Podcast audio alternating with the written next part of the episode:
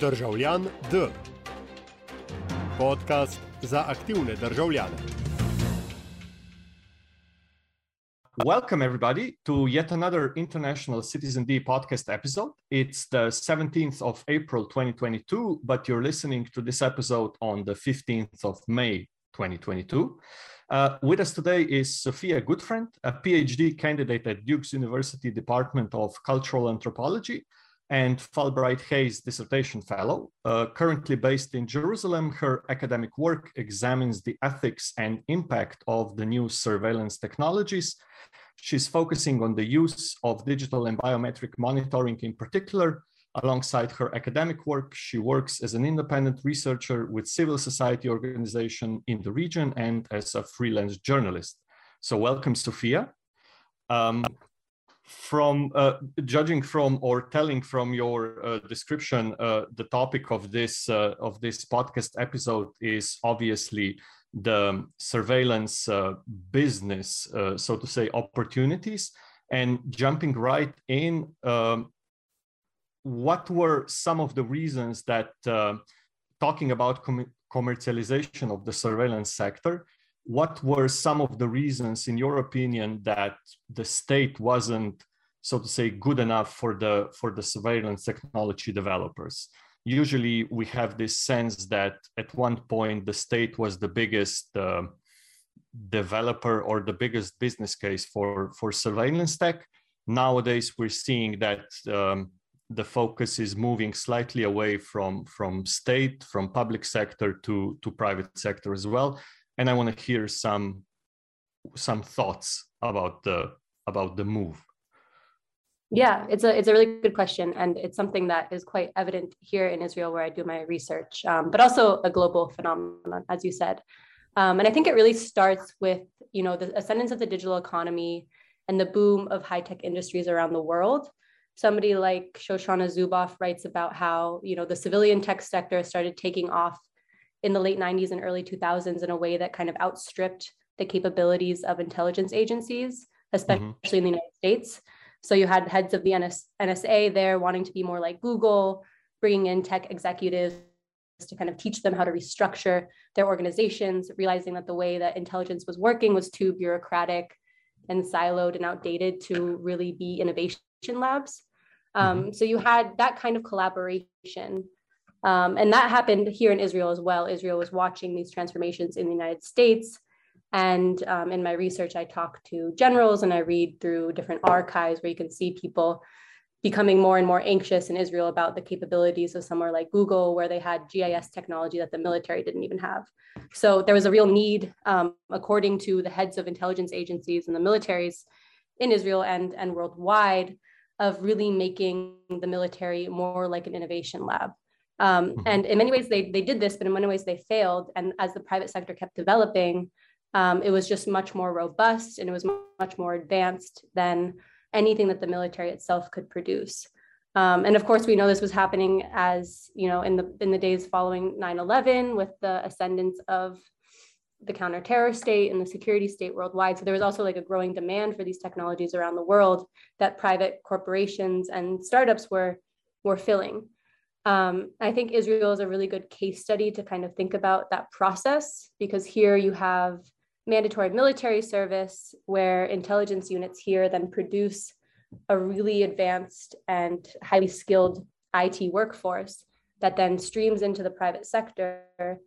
And um, that way, with by working with between the close ties between the military and the private sector here, mean that it's much easier for the military to you know outsource certain technol certain technological developments and certain um, operations to the private sector mm-hmm. so it's really a story of you know the private industry becoming much more advanced and much more well equipped to be innovation labs than what the military was able to do and mm-hmm. the growing demand for the private industry and mm-hmm. the market demand around the world but a subsequent question would be so who's actually running the show? Is it is it still the state with their demands or requests for you know surveillance apparatus and uh, uh, security security solutions? Or is it more that is it more of an industry's idea of this is what we're developing so this is what we think you should have and the state is basically just a mm, just an uh, just the the payee of of these uh, of these technologies and, and these solutions i think it's a i think it's a bit of like a, a push and pull really and it really depends where you're looking somewhere like china where the technology industry is very, very tied to the state. You don't have that same kind of problem. Here in Israel, you have the problem of the military actually losing talent to the private sector, the private sector developing technologies that the military may or may not have. Um, and a lot of anxiety about this, this private sector that's become too powerful and too advanced, and the need to really rein that industry in before other countries or another entity gets a hold of technology that the military doesn't have. Um, mm-hmm. Um, but I think it really depends on where you're looking for mm-hmm. sure. So, so moving forward, would you say that, uh, let's say, the political discussion about these technologies, about surveillance industry, about uh, their capabilities, still um, echoes back, let's say, to to 9/11 on, and to these questions about, okay, you can either have privacy or you either have security. You can't have both and by security it's necessary to, to invade your privacy? Or do you think, or do you see that the argument for surveillance apparatus is, is changing in a way? The, the argument for the need for surveillance yes. apparatus yes. is changing? Yeah. Um, yeah, I mean, I think that it really is I think that the media frames the development of surveillance in this in this way that kind of eclipses all these other forces and possibilities for regulation um, that we have, right? So I think Shoshana Zuboff tweeted something this past weekend about how the um, news that Elon Musk was going to buy Twitter uh, was, you know, making a storm around the world uh, across the internet, and people were really concerned about one person being able to buy this tech platform that is central to so many of our lives. But the reporting was actually totally eclipsing the way in which there's a complete vacuum in regulating big tech and regulating the surveillance sector writ large and the use of particular technologies um, specifically.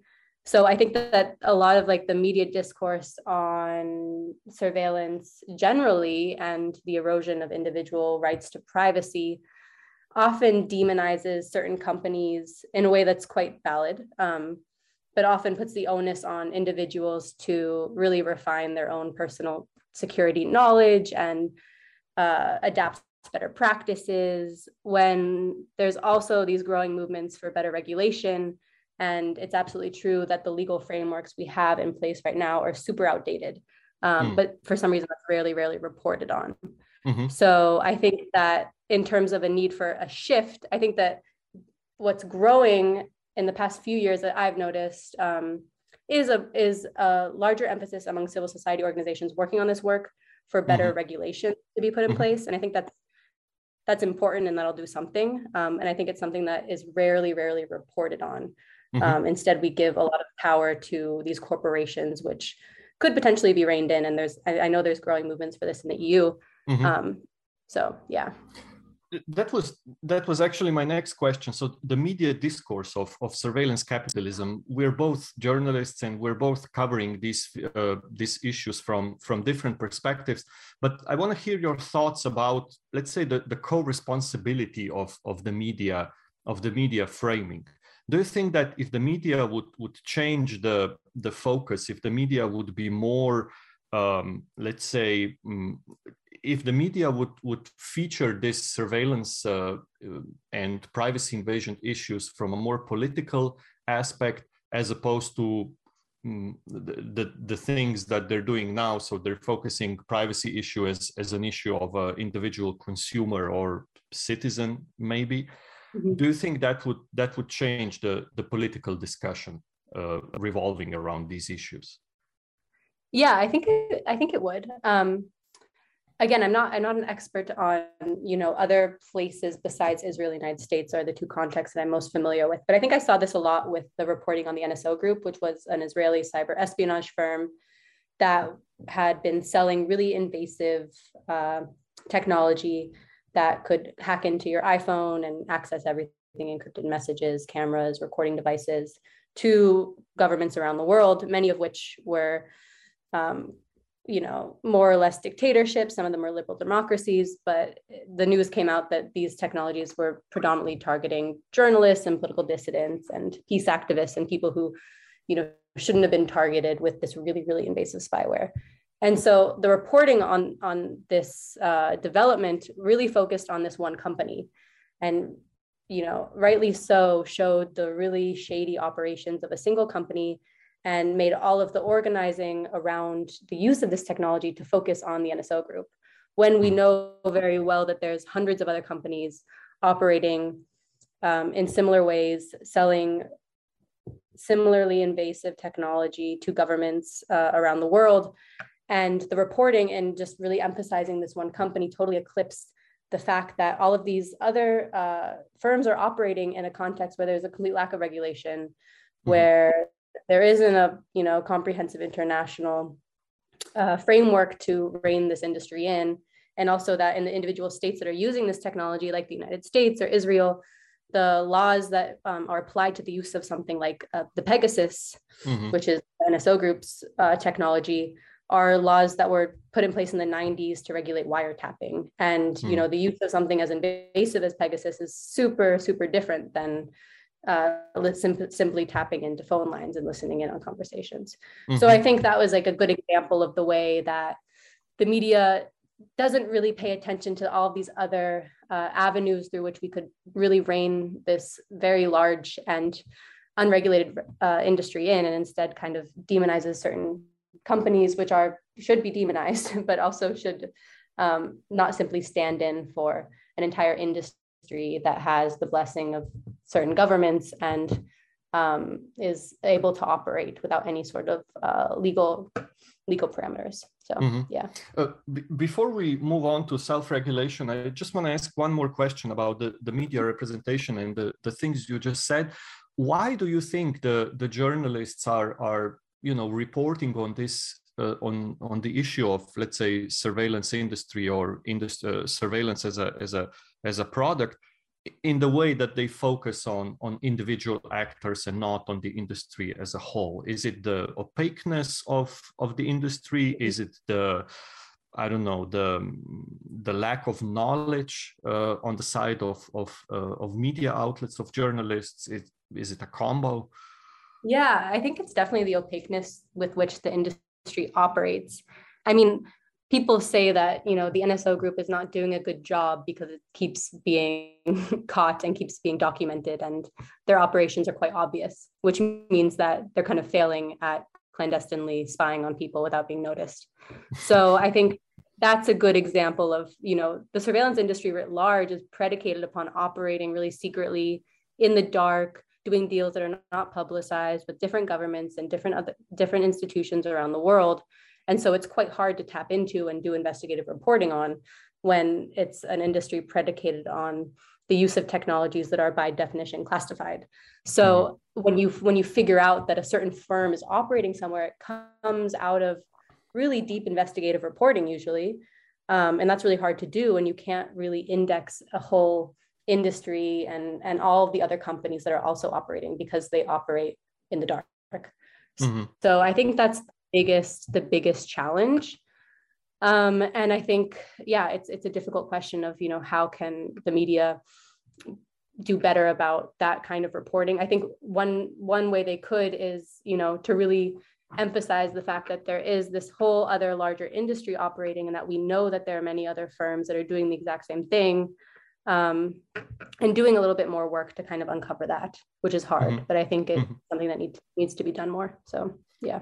And, and another issue um, mm, around the, the media, the media discourse. Do you think it it um, the reactions from let's say the political representatives from the general public are better when the journalists even you can you can draw some some comparisons with your work uh, covering israel and palestine and, and surveillance tech in in in israel do you think the the response is better when uh, the journalists uh, focus on let's say local implementations of these technologies So it's a it's a let's say smaller issue, but it's it's localized or it's close to to the to the readers. Or do you think it's better to to cover this issue in a more global matter or show the the, the vast scale of of these uh, surveillance tech uh, implementations and and systems? I think that that's a good question. I, I do believe that it's hard to not do both, right? Because so many of the, the particular companies operating are transnational. Um, so, like the NSO group was a good example of they had really specific regional effects, um, but they're also used around the world. And there was something like 50,000 numbers that were revealed to be hacked by this really mm-hmm. invasive tool. Um, I also think that it's it's it's good to kind of show these transnational relationships that let surveillance develop and proliferate as such. So, the example of Palestine, you have Israeli firms operating in Palestine. You also have a ton of other transnational firms that are based in many different other countries operating here. Um, mm-hmm. And that's the same for somewhere like the United States, anywhere around the world. So I think that, you know, it's good to report on the local manifestations of how invasive certain technology is to make people care about it because it's harder to care about something that's not unfortunately touching your life. Um, but it's also impossible to pretend like that's happening in a vacuum. So mm-hmm. I think that it's good to always be kind of tracing the ways in which certain companies move around the world and their technologies move around the world.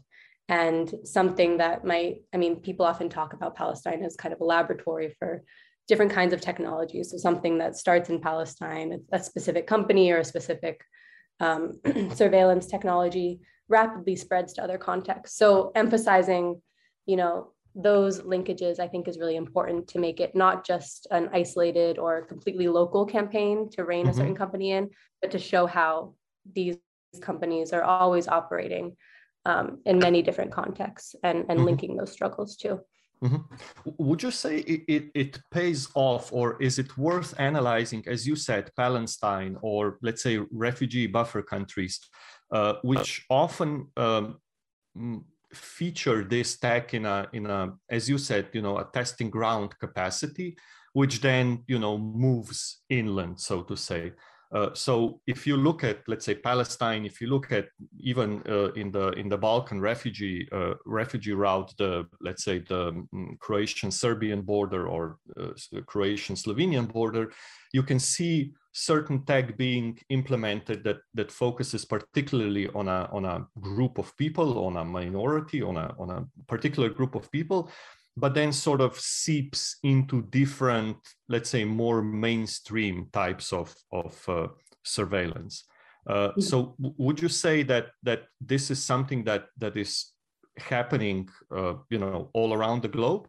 And would you say that this is something that is worth paying attention to if you're trying to analyze what's you know what's the development or what what's going to happen in in the surveillance tech industry in the let's say following few years yeah, definitely. I think that, you know, anywhere where Palestine is a good example, but so, you know, Northwest China, other mm-hmm. many other places around the world that scholars have kind of pointed to um, are good examples of the ways in which when you have a population that doesn't have access to the same sorts of basic, you know, civil political rights um, that fully enfranchised citizens with government protection elsewhere might have, it becomes a bit easier to, you know, deploy and refine certain technologies.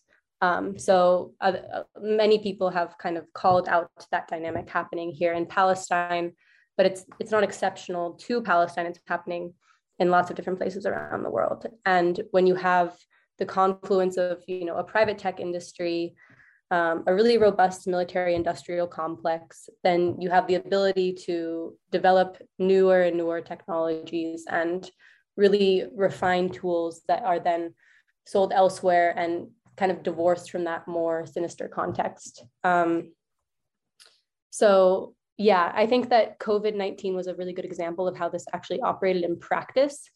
There was a, a bit of reporting and writing on this, but you had specific companies like AnyVision and even the NSO group here in Israel that were prior to COVID 19 really just associated with the military and mm-hmm. with doing counterterrorism, with biometric scanners at checkpoints to monitor who's leaving and entering um, Israel proper, and also the NSO group's tools, which were used to quote unquote only catch terrorists. Um, mm. But then, as soon as COVID 19 hit, and there was all of this other demand for more so called frictionless surveillance systems that could, you know, double as public health mechanisms, you had all these companies that had been prior to that only associated with, you know, counterterrorism, security, and the military writ large then rebrand themselves as public health solutions. Mm. So you had AnyVision then start um, marketing these infrared cameras that were fever detection systems. And you had the NSO group saying that they could provide the Israeli government with a location monitoring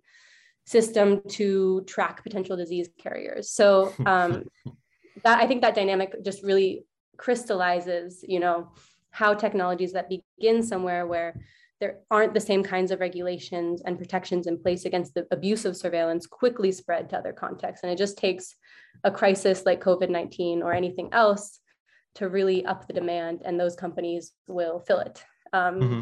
And I, the article that uh, was published in 972 most recently about this um, Homeland Security and Counterterror Conference that happened in Tel Aviv, it's really interesting to kind of walk around and you see all of these companies that a few years ago wouldn't have said anything about public health measures all of a sudden you know rushing to rebrand themselves as uh, companies that can really curb the spread of covid and offer all of these other solutions to um, public health difficulties around mm. the world mm.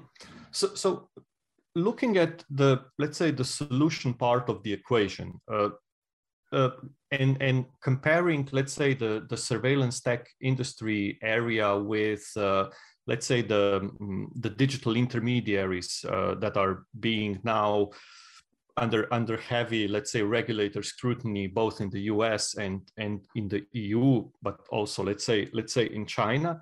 Uh, would you say that um, that we need to have uh, some sort of political political resolution of, of, of these issues in terms of, uh, in terms of uh, regulatory measures, in terms of uh, mm, public or, or state um, um, state um, surveillance of the, of the surveillance industry, or do you think that uh, they'll uh, they'll still rely on on let's say the the self-regulatory model or the the relationship between the between the tech and the and the end user where the end user should or will be responsible for taking care of its own hers uh, taking care of, of its own privacy and and uh, yeah data security mm-hmm.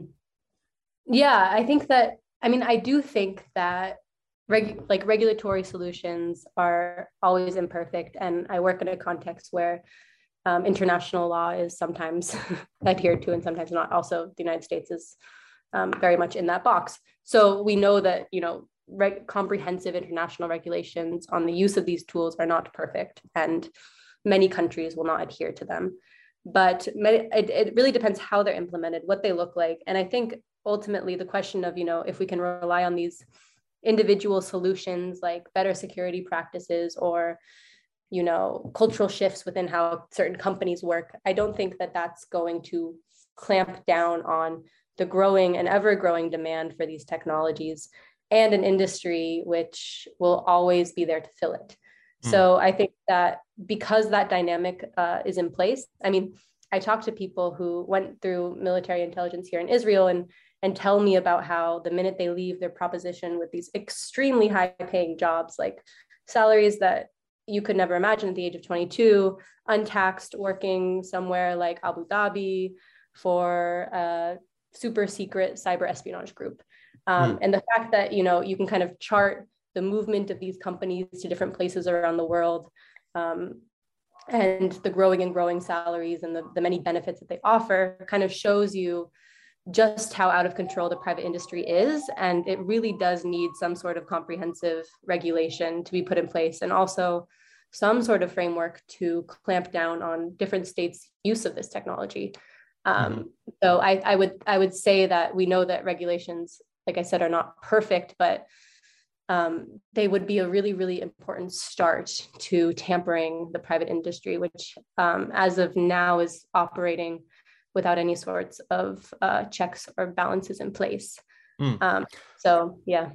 Yeah, uh, because my next question would be, uh, you know, self-regulation is is often uh, taunted as a as a solution to these uh, to this uh, data um, uh, to, to to the fields of of let's say generally speaking data economy and as you as you focus on on the ethics of the issue as well.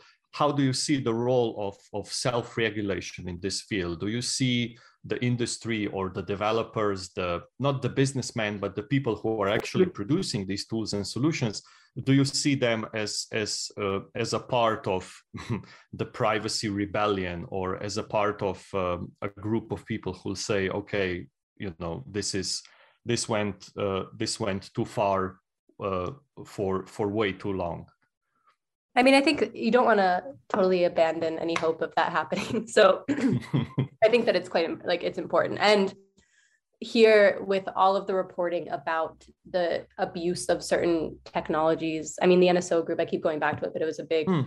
scandal here in Israel. And you do see these changes within the cybersecurity industry based out of Tel Aviv, which is, you know, notoriously apolitical and doesn't really like to get involved in those kinds of questions. You see uh, the beginnings of certain changes, like certain cybersecurity firms refusing to hire developers who worked with the NSO group. Mm-hmm. Um, so I think that you know those shifts are important and interesting to kind of watch how the industry is responding. But that said, I don't see the possibility of, you know, individual developers or people, employees of certain firms spearheading a really transformative campaign to rein something like the surveillance technology industry in. I think that it really needs to be a regulatory solution as well. Um, and like I said, at least, I mean, I will say to add on to that, you do see changes with you know, employees at Google calling on their company not to work with the United States Department of Defense. So there's there's small indexes that show that people within these companies are thinking a little bit more politically about the work that they do, which mm-hmm. is interesting. But I don't I don't see that as like the the end all be all of a solution. I don't think that that mm. will solve everything. And I think mm. that waiting for that to happen um, is really inefficient and the benefits and the the salaries that people can get working for this company means that there's always going to be more people who want those jobs who will mm-hmm. not as um, concerned about the moral or ethical implications of their work so that's mm-hmm. why i think that there needs to be something a bit larger and um, a movement towards more comprehensive regulation as well Mm-hmm. Yeah.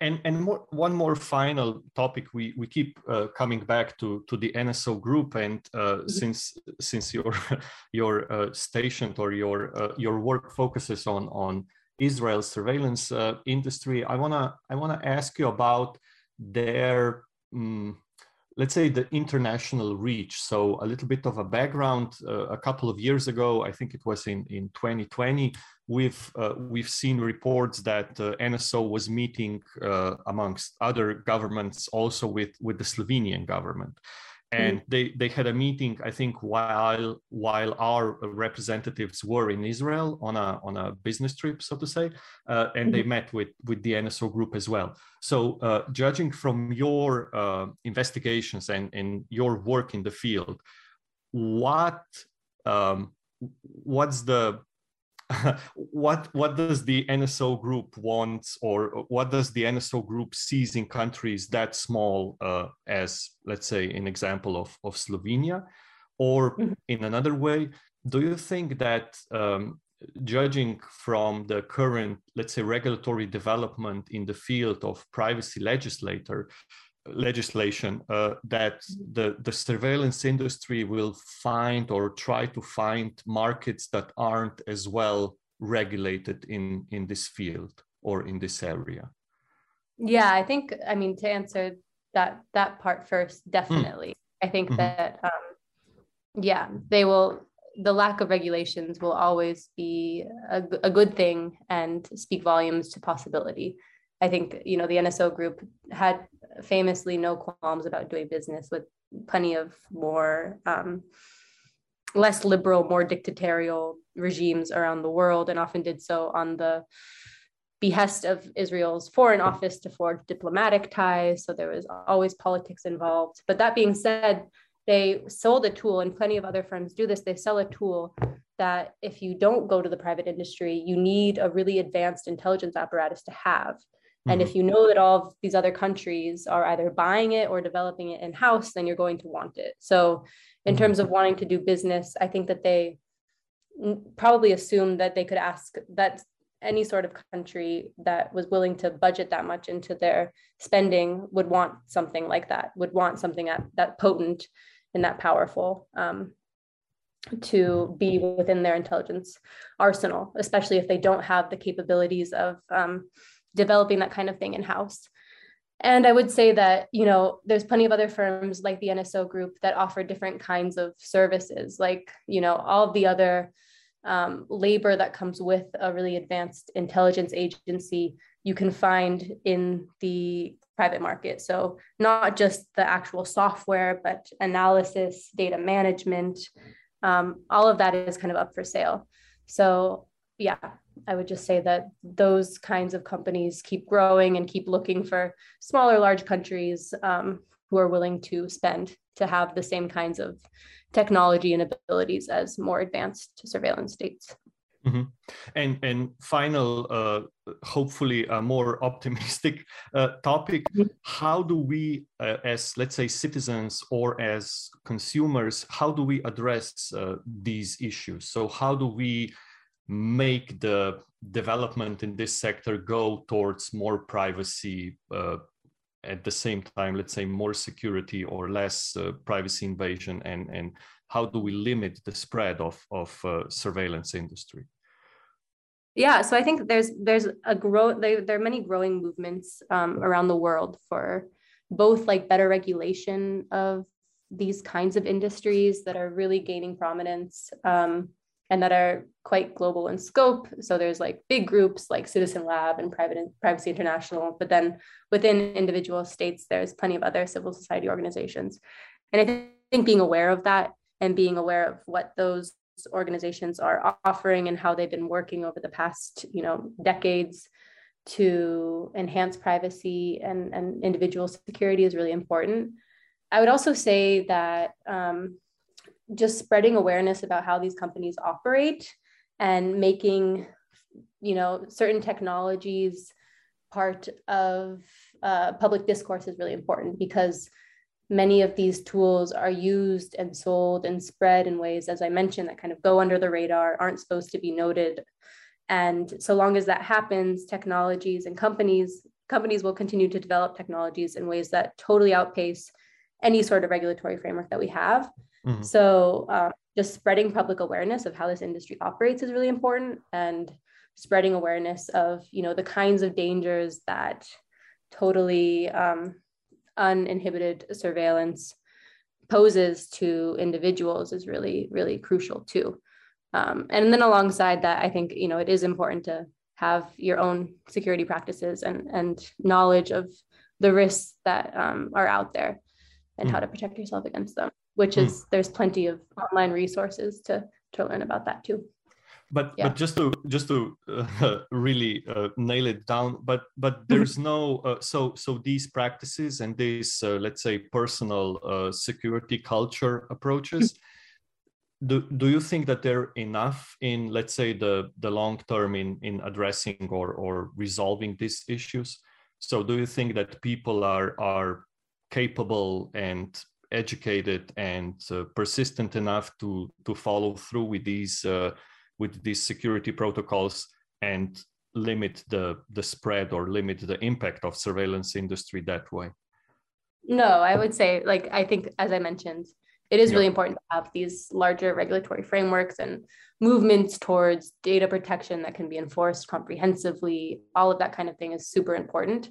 Um, it's also interesting because you see plenty of firms you know selling different kinds of um, cybersecurity, defensive cybersecurity products that are the same firms that are selling the offensive cybersecurity products. Mm. So um, e- even when you're engaging in best security practices, you could be unwittingly, you know, funding a firm that's also developing the technology that will uh, hack into your iPhone better the next time. So hmm. uh, I think just keeping that in mind of like, you know, this this industry is operating really perniciously, and it it does need to be um, tamed and, and regulated comprehensively. So I think mm. that's definitely the most the most important one. Yeah. Okay. Uh, thank you so much for for joining us uh, for for sharing your your thoughts on on the matter. Um, keep up the good work, and uh, dear listener, we'll see each other uh, next month with with uh, another episode of Citizen D podcast. Thank you, Sophia. Great. Thank you so much.